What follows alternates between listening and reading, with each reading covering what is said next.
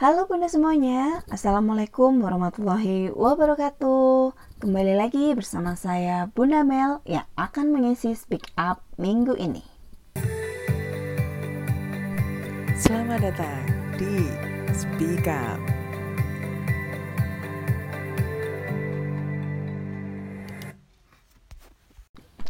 Uh, besok udah tanggal 17 Agustus nih ya bun ya. Biasanya udah pada rame rame sama lomba-lomba, rame sama hiasan merah putih. Jadi kangen kan ya sama masa-masa sebelum pandemi.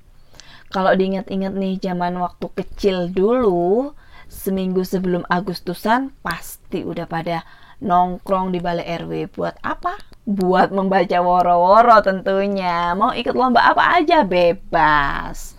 Nah, bertepatan dengan Dirgahayu Indonesia ke-76 tahun yang bunyi jargonnya Indonesia Tangguh, Indonesia Tumbuh. Kita kenalan yuk sama salah satu zat gizi yang bernama FOS dan GOS. Udah pada tahu kan? Udah sering denger kan? Biasanya sih mereka ada di produk susu yang tiap hari diminum sama anak-anak. Supaya apa? Supaya anak-anak kita bisa tetap tangguh melawan virus dan bisa tumbuh secara optimal seperti jargonnya Indonesia tangguh, Indonesia tumbuh.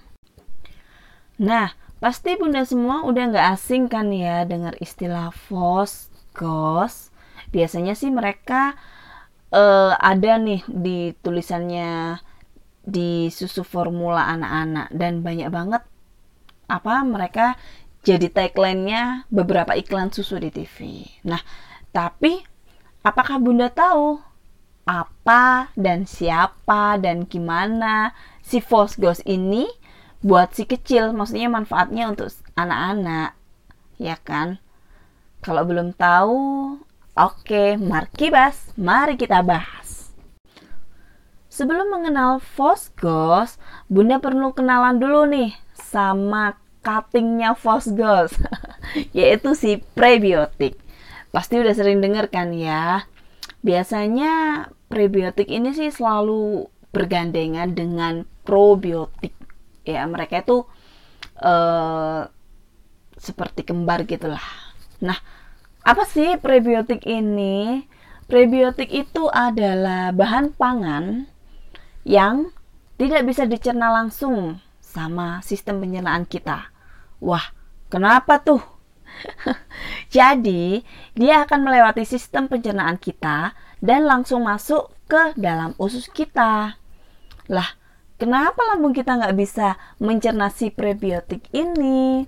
Karena lambung kita itu nggak punya enzim pencerna si prebiotik, makanya dia bisa nyelonong aja masuk ke dalam usus.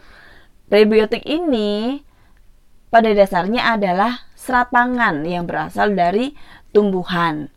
Nah, dia ini, Bun, adalah makanan dari si probiotik tadi. Nah, probiotik ini apa sih sebenarnya? Probiotik ini adalah bakteri baik yang ada di dalam usus kita. Contohnya apa? Contohnya probiotik itu ya fructooligosaccharidia atau yang sering disebut FOS, inulin, dan galakto oligosakarida atau yang sering disebut juga dengan GOS. Kalau kalau probiotik maksudnya. Kalau probiotik ini contohnya apa? Contohnya seperti bakteri Lactobacillus dan bakteri Bifidobacterium. Ya, mirip-mirip sama iklannya cintai ususmu, minum Yakult tiap hari. Jadi iklan deh. Nah, itu Bun. Gimana? Udah kenal kan sama si cuttingnya Fosgos yaitu prebiotik dan probiotik. Udah kenal ya? Sekarang lanjut. Nah sekarang kita pindah nih ke si Fosgos ini tadi ya bun ya. Karena kita mau fokusnya bahasannya sama dua zat gizi ini. Fos atau yang sering dis, uh, yang biasa disebut fructooligosaccharidia dan GOS atau galacto-oligosakarida ini e, merupakan komponen dari prebiotik seperti yang sudah saya jelaskan sebelumnya ya. Dan mereka berdua ini aman banget bun dipakai atau digunakan sebagai bahan tambahan pangan yang bisa jadi nilai tambah suatu produk. Keduanya ini bisa difortifikasi atau ditambahkan pada susu formula bayi dan anak-anak. Ya, mereka ini 11-12 lah kayak iodium yang difortifikasi ke dalam garam beriodium. Jadi eh, produk ini ini memiliki nilai tambah plus. Jadi susu nilai tambah plusnya fosgos. Kemudian si garam tadi nilai tambahnya uh, yodium tadi kayak gitu. Nah, si oligosakarida ini fungsinya adalah untuk pembentukan sistem imun tubuh, Bun. Meskipun struktur kimianya beda ya dengan yang yang oligosakarida yang ada di ASI, tapi perannya ini sama seperti yang ada di ASI. Kayak gitu. Karena sekarang kita lagi masa pandemi ya Bun ya dan uh, imunitas tubuh ini menjadi hal yang sangat sangat sangat penting bagi kita saat ini. Uh, manfaat FOS dan GOS, maksudnya memanfaatkan FOS dan GOS secara bersamaan ini cukup efektif Bun untuk mengembangbiakan bakteri baik yang ada di saluran pencernaan kita, terutama e, sistem pencernaannya bayi dan anak-anak. Nah, bakteri baik yang berkembang biak ini akan membantu penyerapan makanan yang anak-anak konsumsi tentunya ini menjadi lebih optimal, Bun. Jadi zat-zat gizi yang terserap uh, yang terkandung di dalam makanan ini akan terserap secara optimal ketika eh, anak-anak uh, juga mengkonsumsi FOS dan GOS secara bersamaan. Dan juga FOS dan GOS ini bisa menghambat pertumbuhan bakteri jahat yang bisa menyebabkan penyakit, Bun. Banyak banget ya dia manfaatnya. Kayaknya nih dia kecil-kecil cabai rawit nih. Eh, ada lagi tambahannya. Selain itu, FOS dan GOS juga bisa menghasilkan SCFA atau uh, kita sebutnya asam lemak rantai pendek. Uh, kita belajar kimia nih kayaknya.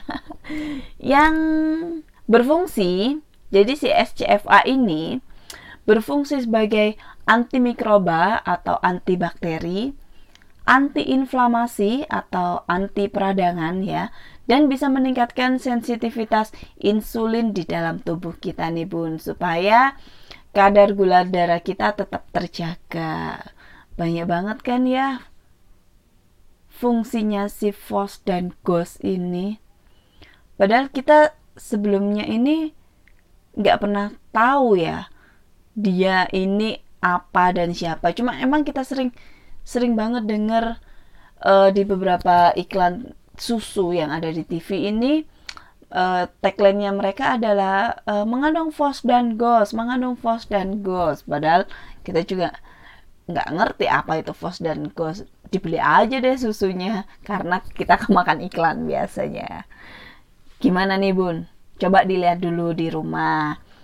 Uh, di kotak susunya anak-anak ini di bagian nutrifactnya udah ada belum dia kandungan fos dan gosnya kalau belum, apakah berarti kita harus ganti susu? Oh, tidak. Jangan ambil keputusan dulu, Bun.